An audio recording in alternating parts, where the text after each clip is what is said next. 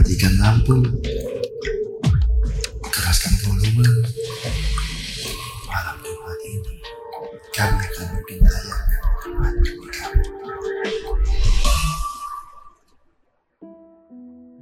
Mercu Buana Station for Creative Student.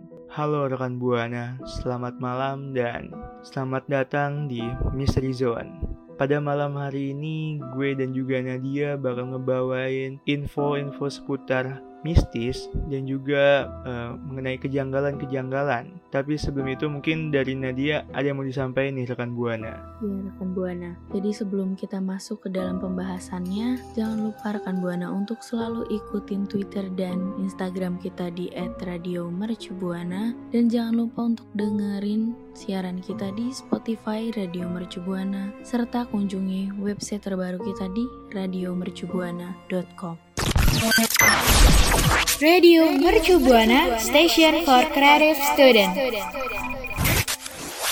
Oke rekan Buana, pada kesempatan kali ini kita akan membahas tentang hal-hal mistis mengenai ritual pemanggilan hantu.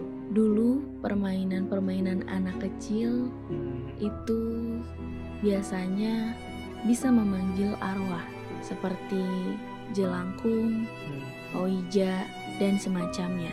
Apakah rekan Buana pernah memainkan permainan-permainan tersebut dan apakah Gigi pernah memainkan permainan-permainan tersebut? Mungkin kalau dari ritual pemanggilan hantu yang udah tadi lu jelasin Nat, kita balik lagi ya. Dari setiap-setiap daerah mungkin uh, ada nih beberapa kelompok yang emang pernah bermain dengan pemanggilan hantu ini yang tadi udah Nadia jelasin itu seperti Jaya Langgung dan juga mungkin apa pun itu yang kita mainkan ternyata itu bisa mengundang hantu tanpa kita sadari sedikit pun. Bener. Maka dari itu, mungkin uh, pada kesempatan kali ini gue dan juga Nadia bakal ngebahas apa aja ritual pemanggilan hantu. Yang pertama yaitu ada jelangkung. Di Indonesia sendiri, ritual pemanggilan hantu ini masih jadi favorit para sutradara film. Mm -mm karena ritualnya itu dilakukan dengan menggunakan medium boneka yang terbuat dari batok kelapa dan juga jerami. Dan boneka batok kelapa ini akan diisi oleh roh orang yang sudah tiada dan roh tersebut nanti diberi pertanyaan oleh para pemain sehingga nggak jarang nih boneka tersebut diberi pensil dan kertas untuk menjawab pertanyaan-pertanyaan yang diberikan oleh si pemain. Berarti selain boneka kayu hmm. yang berbentuk batok kelapa itu, pensil dan kertas juga menjadi media betul. untuk menjawab pertanyaan dari para pemain. Betul betul. Karena yang juga sih Nat, uh, mungkin ya nggak hanya dari si batok kelapa ini, karena boneka pun itu bisa kita apa ya namanya bisa kita gunakan untuk bermain uh, pemanggilan hantu ini. Benar. Karena yang kita tahu ya. Uh, arwah-arwah dan juga makhluk astral seperti itu itu nggak ada batasannya untuk menetap di suatu media. Jadi bisa saja dia mau di mana akan menetapnya uh, tergantung dari kitanya apakah memanggil atau tidak. Benar. Jadi di media apa pun. Hmm. nah selanjutnya adalah papan owija. Ritual yang satu ini pakai medium papan kayu yang bertuliskan huruf angka simbol bulan bintang yang bertuliskan yes dan no untuk dimainkan. Para pemain bisa meletakkan papan ini di pangkuan para pemain atau di meja lalu menunggu roh orang yang sudah meninggal untuk masuk ke dalam papan.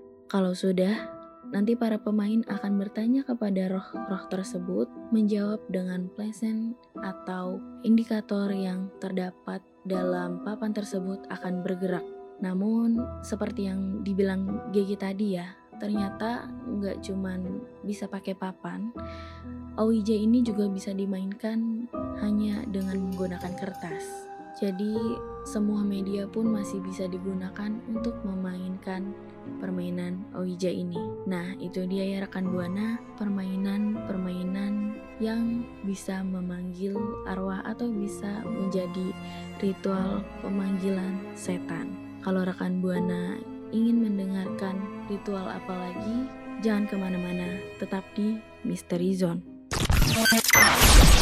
Radio Mercu Buana Station for Creative Student.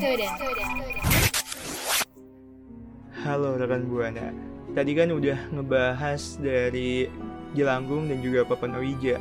Gue sama Nadia masih mau ngebahas lagi nih soal permainan uh, dalam artian ritual pemanggilan hantu. Kira-kira ada apa aja nih, Nat? Oke, selanjutnya ada Charlie Charlie. Permainan ini adalah permainan permainan pemanggilan arwah namun medianya menggunakan kertas, pensil, dan alat perekam seperti handycam dan smartphone. Cara bermainnya yaitu permainan harus membagikan selembar kertas menjadi empat bagian, lalu setiap bagiannya ditulis ya dan juga tidak. Kemudian tumpuk dua pensil di atas garis, kemudian permainan mengucapkan Charlie, Charlie, are you there? Mm-hmm.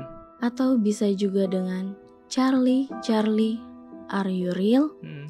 Usai mengucapkan kalimat tersebut, hmm. arwah akan datang dan pensil akan menunjukkan salah satu kata ya atau tidak.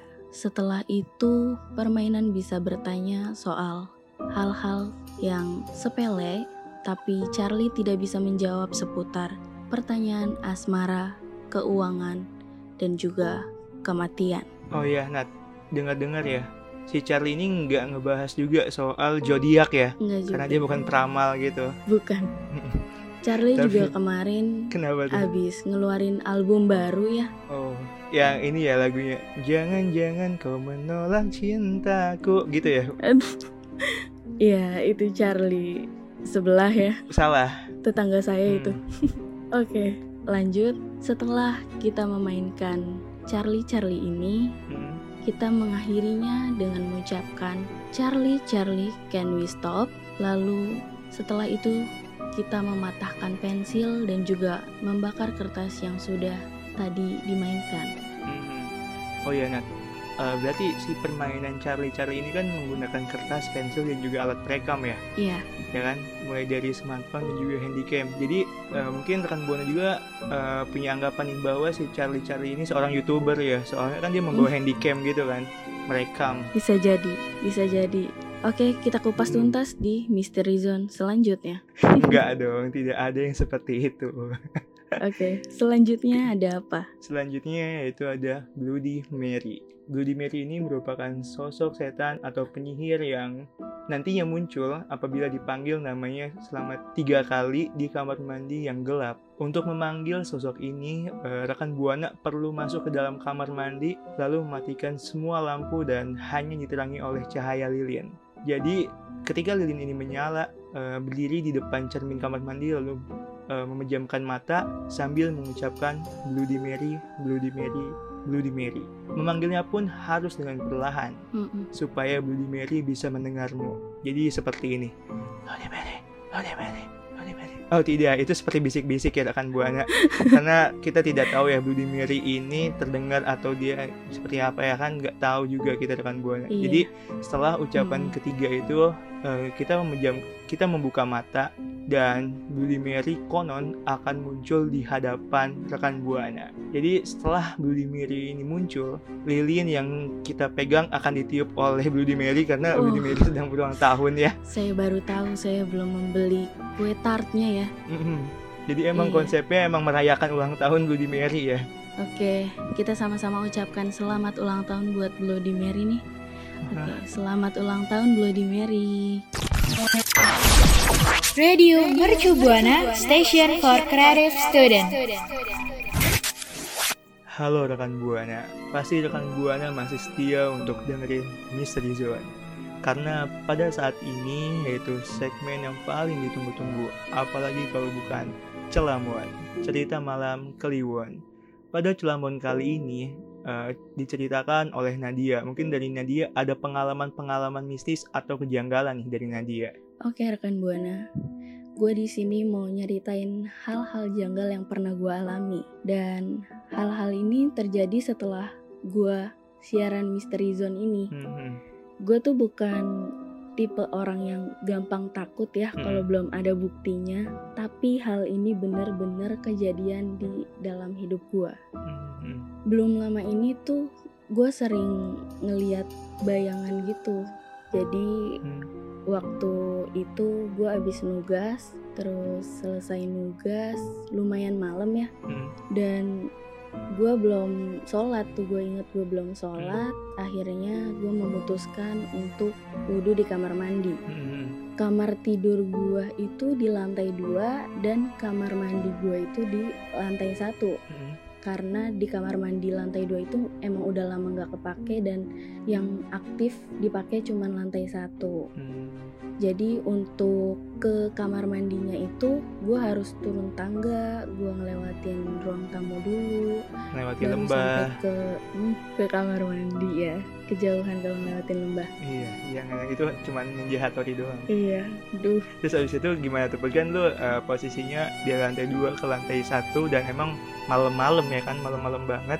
Kayak lu tuh udah siap-siap nih buat ngebunyiin tiang listrik ya, karena itu udah posisinya malam kan bapak-bapak suka kayak gitu ya. betul itu Teng, untuk gitu. menyatakan bahwa aman atau tidak gitu ya Betul, emang rondanya gitu suka ngeronda malam-malam ya. Oke balik lagi ke topik nih ya Aduh maaf ya pak yang ronda semangat Semangat. Jadi selama gue jalan dari kamar ke kamar mandi itu Hmm. Perasaan gue udah gak enak Hmm. Kayak gak tenang gitu loh Entah apa yang gue rasain Pokoknya rasanya tuh gak nyaman banget Hmm. Oh iya, kan tadi kan bilang nggak nyaman ya ketika ngelewatin itu. Padahal kan sebelum-sebelumnya lu ngerasa nyaman aja, nggak ada apa-apa. Mm-mm. Karena yang gue tahu ya, bukan yang gue tahu, pernah baca-baca juga kalau eh, semisalkan kita ngelewati ruangan atau emang posisinya kita lagi sendirian, itu biasanya ada yang sedang memperhatikan kita gitu. Padahal sebelumnya kita ngerasa bahwa itu aman-aman aja, bahwa itu nyaman gitu. Tapi ketika pada saat itu kita ngelewatin, itu kerasa beda gitu auranya. Iya Jadi itu bisa saja dianggap bahwa ada orang eh, ada orang yang tidak terlihat sedang memperhatikan kita. berarti gue selama ini ada yang mengawasi dari jauh Betul. Siapa dia? Mungkin Nah oke, jadi abis itu gue turun tangga dan pas gue turun tangga tuh gue ngeliat di ekor mata gue tuh kayak ada bayangan gitu. mhm, Tapi karena gue orangnya cuek sama hal-hal kayak gitu ya, dan bayangannya juga nggak terlalu jelas, jadi gue nggak terlalu takut. Gue tetap melanjutin perjalanan gue dari kamar ke kamar mandi. Mhm, Kamar mandi gue tuh nggak ada baknya. Hmm. jadi cuman ada ember untuk nampung air dan ember itu tuh warnanya hitam. Mhm. airnya juga penuh di ember itu. Jadi eh, cahaya lampunya tuh mantul ke dalam air gitu. Hmm, terus hmm, gue masuk ke kamar mandi karena gue pengen wudhu gue ma- gue mau geser embernya kan karena kerannya tuh ada di atas ember tersebut. Hmm. pas gue bungkuk mau pindahin ember gue lihat di air bayangan gue ada dua Jadi dua gitu. Iya, jadi yang satu Mhm, gue tahu kan bayangan gue tuh pasti mirroring sama gue kan Betul. di depan gue gitu. Dan yang satu lagi tuh gue ngeliat kayak ada orang di belakang gue, terus ngelongok gitu loh, kayak miring ke kiri. Kayak ini kayak mau ngelihat lu gitu kan, kayak mau ngedeket gitu. Iya, dan itu menurut gue serem banget sih. Dan gue pun sampai sekarang ya nyeritain ke GG, nyeritain ke rekan buana itu sambil merinding banget. Hmm. Dan pada saat itu gue memutuskan untuk tidak sholat. Astagfirullah. Astagfirullahalazim. Jangan ditiru ya rekan buana karena itu panik banget gitu Hmm. jadinya. Maafin saya ya Allah. Iya kayak emang spontan gitu ya. Uhuy. Uhuy. Ya ya gimana ya? Maksudnya kaget juga mungkin kan lu ya. Nah, karena Jadi karena baru pertama kali juga Betul. ngalamin hal-hal kayak gitu. ya mungkin eh, bisa dikatakan juga ya si bayangan ini kan yang udah memperhatikan lu sebelumnya ya. Ketika di ruangan yang maksudnya ketika lu ngelewatin beberapa ruangan-ruangan ya kan. Bisa aja kayak gitu. Terus juga mungkin si bayangan ini tuh kayak pengen berinteraksi lebih jauh gitu dengan lu Nat. Tapi lu nggak tahu tentang cara bagaimana caranya untuk berinteraksi itu gitu. Benar. Hmm, mungkin itu bisa jadi uh, pelajaran juga kali ya eh, soal dari yang tadi tuh yang jangan pernah ninggalin sholat ya kan Iya. Tapi karena kejadian itu gue jadi ninggalin sholat. kenapa kan bisa maksudnya kan sesuai waktunya gitu Nat Iya sih benar. Hmm, Dan itu dia. baik banget baik banget ya pelajaran pelajaran dari soal cerita lu tadi Nat Mm-mm. gitu mungkin dari uh, yang nggak ninggalin sholat. Terus juga uh, buat kita berani juga nih di dalam suatu kondisi gitu dalam suatu situasi dan juga kondisi. Karena bagaimanapun manusia adalah derajatnya lebih tinggi daripada uh, jin dan juga uh, setan gitu. Nah benar.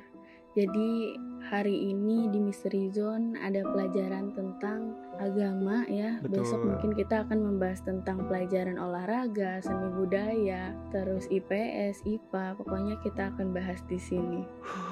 Oh, tidak dong. Oke ya rekan Bukan Buana. dong. Kita tidak ingin UTS ya. Tidak ingin UTS Tidak, tidak. terus berangkat renang tidak mungkin seperti itu, ya kan? Iya, oke itu dia ya rekan Buana cerita malam kliwon pada kali ini. Mungkin rekan Buana juga punya cerita-cerita mistis dan horor lainnya. Boleh langsung mention ke Twitter kita di @radiomercubuana dengan hashtag Mystery Zone. Radio Mercu Buana Station for Creative Student. Itu dia rekan Buana pembahasan dari gue dan juga Nadia. Mulai dari ritual pemanggilan hantu sampai ke cerita malam kliwon versi Nadia. Buat rekan Buana yang mau ceritain pengalaman mistisnya dan juga kejanggalan-kejanggalannya Bisa langsung ceritain melalui Twitter di Twitter kita atau Instagram di @radiomercubuana dengan hashtagnya Mystery Zone. Dan juga gue mau berterima kasih nih untuk rekan Buana yang tetap setia untuk dengerin Mystery Zone dari awal sampai akhir dan gue juga berterima kasih untuk produser Bang Adam dan juga operator Renaldi yang telah membantu proses siaran Mystery Zone. Oke, rekan Buana, sebelum kita mengakhiri siaran, gue mau ngingetin buat rekan Buana untuk selalu ikutin sosial media kita di Instagram maupun Twitter kita di @radio_mercubuana dan jangan lupa juga untuk dengerin siaran kita di Spotify Radio Mercubuana serta kunjungi website terbaru kita di radiomercubuana.com. Oke, udah waktunya kita pamit. Gue Nadia pamit undur suara. Gue GG pamit undur suara. Sampai jumpa di malam Jumat berikutnya. Au.